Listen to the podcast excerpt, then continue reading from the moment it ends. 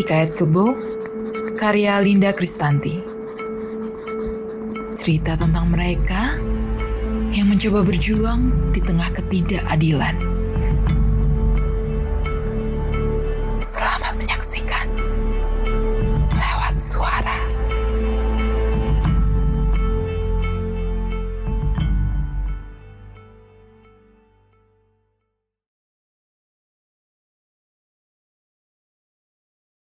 Selamat datang di serial Hikayat Kebo bersama dengan saya Adonia Bernikanaya dan tidak terasa serial Hikayat Kebo sudah menemani selama 6 episode bersama dengan pendengar setia KBR. Kali ini saya akan mengangkat kisah pelajaran tentang keberanian dari serial Hikayat Kebo karya Linda Kristanti. Pelajaran tentang keberanian bercerita mengenai kenangan terhadap seorang sastrawan di masa hidupnya yang telah menginspirasi anak-anak muda melakukan perlawanan terhadap resim Orde Baru. Selamat menyaksikan lewat suara.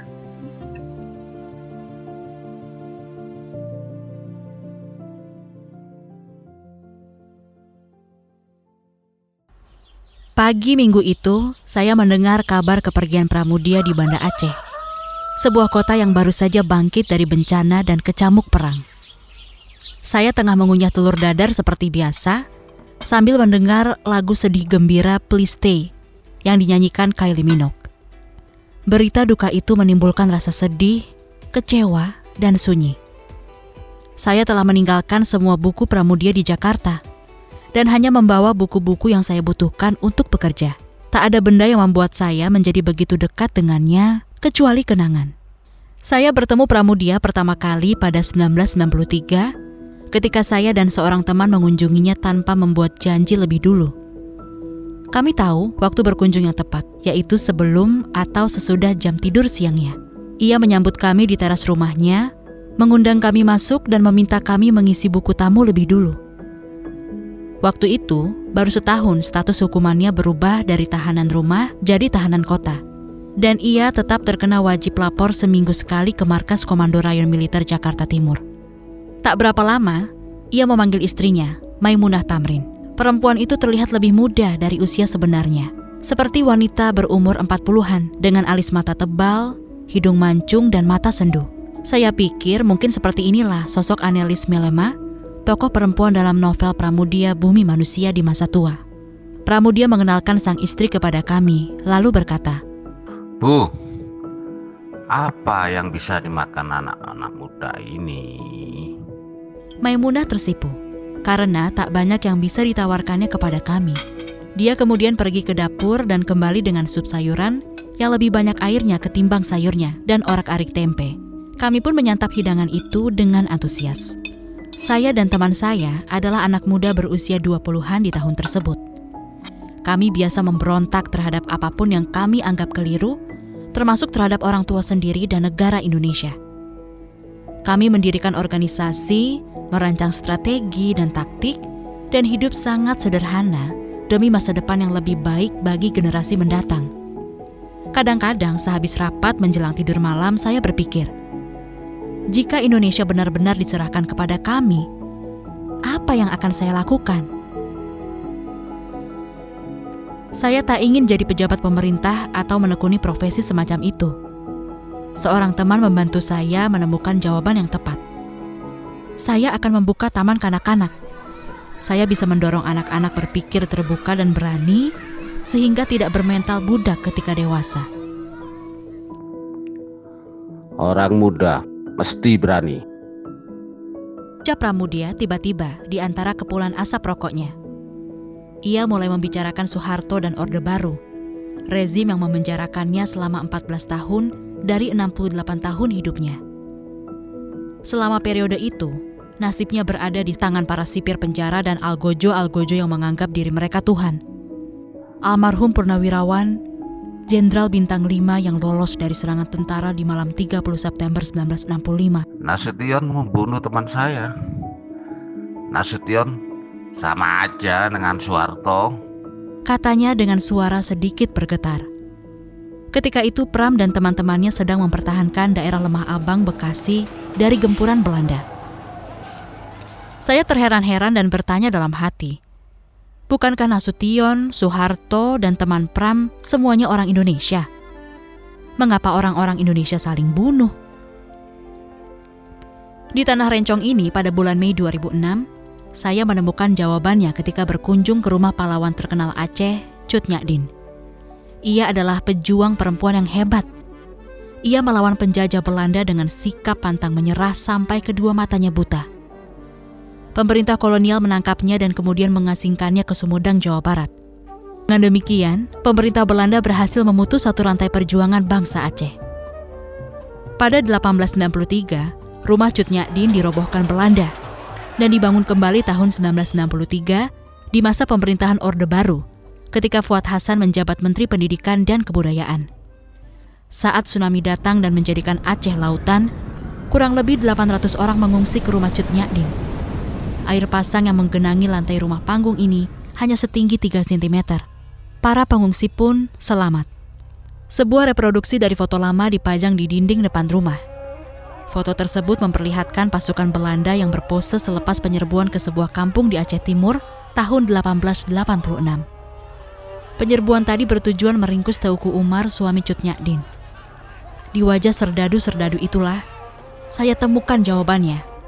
Mereka adalah orang-orang Jawa yang dikirim pemerintah Belanda untuk menguasai Aceh. Pramudia sendiri menjelaskan fakta ini dalam sebuah wawancara sebelum ia meninggal untuk menundukkan Aceh, Belanda mengambil tentara bayaran dari Jawa. Ini terus berlanjut sampai hari ini. Soeharto yang sempat memimpin negara Indonesia selama 32 tahun, memulai karir militernya sebagai serdadu di pasukan kolonial Belanda. Begitu pula Nasution. Pramudia adalah pengkritik Indonesia yang konsisten. Ia menyebut negara Indonesia korup, keji, dan militeristis. Meskipun ia orang Jawa, ia ikut memerangi Jawanisme, sikap patuh yang hierarkis. Namun, ia justru mengajarkan saya untuk mencintai Indonesia. Tulisan-tulisan Pra mendorong saya untuk melakukan tindakan mulia terhadap orang lain dan bangsa lain, serta menumbuhkan keberanian sampai ke dasar hati, meskipun praktiknya tak mudah. Suatu hari di tahun 1988, seorang teman dari Universitas Pajajaran Bandung meminjamkan novel-novel tetralogi Buru, Bumi Manusia, Anak Semua Bangsa, Rumah Kaca, dan Jejak Langkah, yang ditulis Pramudia. Pada masa itu, membaca tulisan Pramudia tergolong kegiatan berbahaya dan tak bisa dilakukan di tempat terbuka atau terang-terangan. Pemerintahan Soeharto menilai buku-buku tersebut bersifat subversif. Bahkan seorang aktivis dari Surabaya terpaksa mendekam di penjara gara-gara menjual tetralogi buru di luar stadion olahraga. Saya pun membaca novel-novel itu dalam kamar dan menghindari penglihatan orang.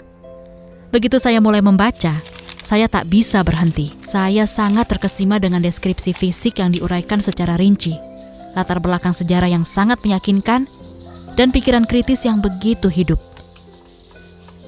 Ada dua karakter utama dalam tetralogi ini, Nyai Ontosoroh dan Minke tokoh fiktif yang diilhami sosok Raden Mas Tirto Adi Suryo, wartawan dan pendiri surat kabar Medan Priayi. Ontosoro bisa disebut karakter yang paling tepat mewakili tema utama dalam karya-karya Pramudia. Rakyat biasa yang menerima penindasan bertubi-tubi tetapi tak pernah takluk. Ia semula gadis desa yang sederhana dan buta huruf yang dijual ayahnya kepada seorang pria Belanda. Ontosoro kemudian berubah menjadi perempuan modern, terampil dalam berbisnis dan mengatur rumah tangga. Ia melawan hukum kolonial yang memandangnya tak lebih dari seorang pribumi dan gundik. Dan mengapa Minke? Karena Minke sosok manusia sempurna. Ia pemberontak, berani, sedikit flamboyan, sadar politik, dan pintar. Ia tidak selalu kuat dan tentunya mempunyai kekurangan-kekurangan. Selain Ontosoro dan Minke, Ang San Mei adalah karakter lain yang mengesankan saya. Perempuan Tionghoa ini istri kedua dari tiga istri Minke. Mei berasal dari generasi muda Tiongkok yang memperjuangkan perubahan. Kondisi represif di tanah airnya memaksa Mei menyamar jadi guru bahasa Inggris dan melarikan diri ke Batavia, ibu kota Hindia Belanda. Mei merupakan orang pertama yang mengajarkan Minke mengenai pentingnya organisasi sebagai wadah perjuangan modern melawan penjajah. Max Lane, penerjah tetralogi buru dalam bahasa Inggris, mengatakan kepada saya tahun lalu bahwa ia mendengar Bumi Manusia sudah diterjemahkan ke bahasa Swedia. Ini bisa jadi pertanda baik. Buku yang diterjemahkan ke dalam bahasa Inggris, Swedia, dan Perancis sudah memenuhi salah satu persyaratan teknis untuk hadiah Nobel. Tetapi dalam sejarah Nobel, kecil kemungkinan hadiah itu jatuh ke tangan seorang kiri. Neruda memang menerimanya, tetapi ia satu pengecualian kecil. Tutur Lane, Banda Aceh pada hari Minggu pagi itu, saya merasa sangat sedih dan kesepian. Bagaimana kisah tadi? Semoga menginspirasi kalian semua ya. Menyandang status tahanan rumah tidak menghalanginya untuk tetap produktif menulis karya. Meski ideologinya bertentangan dengan pemerintah dan berbagai pihak, tak lantas membuatnya bungkam. Lewat karyanya Tetralogi Burung, ia menyuarakan ketertindasan rakyat kecil. Bagaimana sosok Pramudia Anantatur di mata Linda Kristanti? Simak wawancara bersama Linda Kristanti berikut ini. Saya menulis pelajaran tentang keberanian setelah menerima kabar dari seorang teman di Jakarta bahwa Pramudia Anantatur, salah seorang sastrawan terkemuka Indonesia dan mungkin memiliki begitu banyak pemuja telah meninggal dunia. Saya tidak menulis obituari, melainkan sedikit pengalaman saya dengan almarhum dan juga tentang sejumlah buku atau karya Pram yang saya baca atau yang sudah pernah saya baca. Saya menyukai sejumlah karya Pramudia Anantatur, baik fiksi maupun non-fiksi. Beberapa karya fiksinya seperti Tetralogi Bumi Manusia, Bukan Pasar Malam, Gadis Pantai, Arok Dedes, dan arus balik merupakan karya-karya yang sangat menarik. Pertama kali saya mengenal karya Pramudia Anantatur pada waktu saya masih belajar di sekolah menengah atas di Bandung. Saya membaca salah satu novel dari tetralogi Bumi Manusia yang saya pinjam dari seorang mahasiswa Fakultas Sastra Universitas Pajajaran. Di masa itu membaca karya Pramudia dan apalagi menyebarluaskannya merupakan suatu tindakan subversif karena karya-karya itu secara hukum dan secara resmi dilarang oleh pemerintah Orde Baru. Jadi kegiatan membaca karya-karya Pramudia Anantatur di masa Orde Baru adalah juga sebuah aktivitas atau gerakan membaca karya sastra secara diam-diam ataupun bersifat uh. Tidak banyak orang yang berani beroposisi langsung dengan pemerintah di masa Orde Baru berkuasa. Pada waktu itu tidak ada kebebasan berpendapat, tidak ada kebebasan berekspresi, orang tidak boleh mendirikan organisasi dengan bebas, dan kalau ingin masuk partai, mereka dipersilakan untuk memilih partai-partai yang sudah direstui oleh pemerintah. Dan seniman juga diawasi, barang siapa yang berani mengkritik pemerintah akan mendapatkan konsekuensinya, baik berupa penahanan, pemenjaraan, bahkan pembunuhan yang dilakukan oleh aparat negara. Sejak awal, posisi Pramudia Anantatur sudah diposisikan sebagai penentang rezim Orde Baru. Sebagaimana kita ketahui, rezim ini berdiri setelah peristiwa politik 1965. Setelah sekitar 500 ribu hingga 3 juta orang menjadi korban pembantaian massal yang dilakukan oleh aparat dan para pendukungnya, baik sipil maupun militer.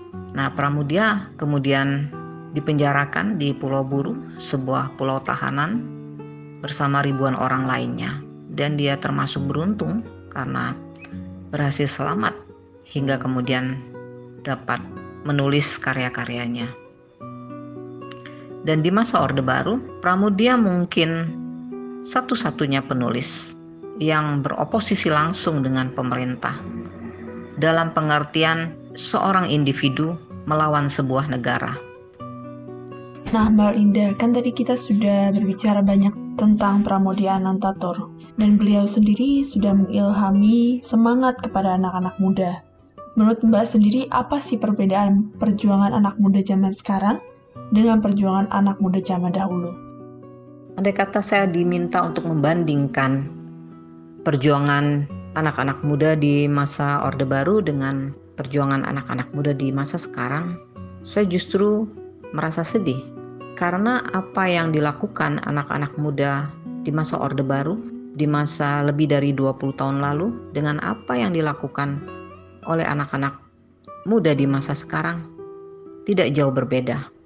Anak-anak muda di masa sekarang mereka masih harus berhadapan dengan pemerintahan yang belum menegakkan hak-hak azazi manusia, pemerintahan yang aparatnya masih sering melanggar hukum padahal seharusnya turut menegakkan hukum secara adil dan benar. Anak-anak muda di masa sekarang juga masih harus berhadapan dengan pemerintahan yang juga tidak mau mendengarkan pendapat rakyatnya yang sewenang-wenang. Nah, tadi kalau Mbak Linda bilang sendiri, anak-anak muda ini berperan aktif juga dalam mengkritik pemerintah. Tapi sebetulnya bagaimana sih cara anak muda mengkritik pemerintah dengan baik, Mbak? Kritik terhadap pemerintah dapat dilakukan dengan berbagai cara dan bentuk. Bisa melalui tulisan, bisa juga melalui aksi-aksi turun ke jalan. Dan semua itu merupakan hak warga negara ataupun hak rakyat dalam sebuah negara demokrasi. Kritik-kritik itu tentu saja tidak boleh dihadapi dengan kekerasan oleh aparat ataupun dihadapi dengan pembungkaman ataupun pemenjaraan, tapi justru merupakan bagian dari kontrol ataupun pengawasan yang dilakukan rakyat terhadap jalannya pemerintahan. Ya, dapat diketahui bahwa podcast serial Hikayat Kebo merupakan adaptasi dari karya Linda Kristanti yang berjudul Hikayat Kebo. Oleh karena itu, kami ingin berterima kasih kepada Linda Kristanti selaku penulis yang telah mengizinkan kami mengadaptasi karyanya. Ini adalah episode terakhir dari serial Hikayat Kebo. Kami sangat berterima kasih kepada UMN dan KBR yang telah memfasilitasi podcast kami. Semoga podcast ini dapat menghibur dan mengedukasi pendengar sekalian. Saya Donia Bernika Naya, pamit undur diri, serial Hikayat Kebo. Selamat menyaksikan lewat suara.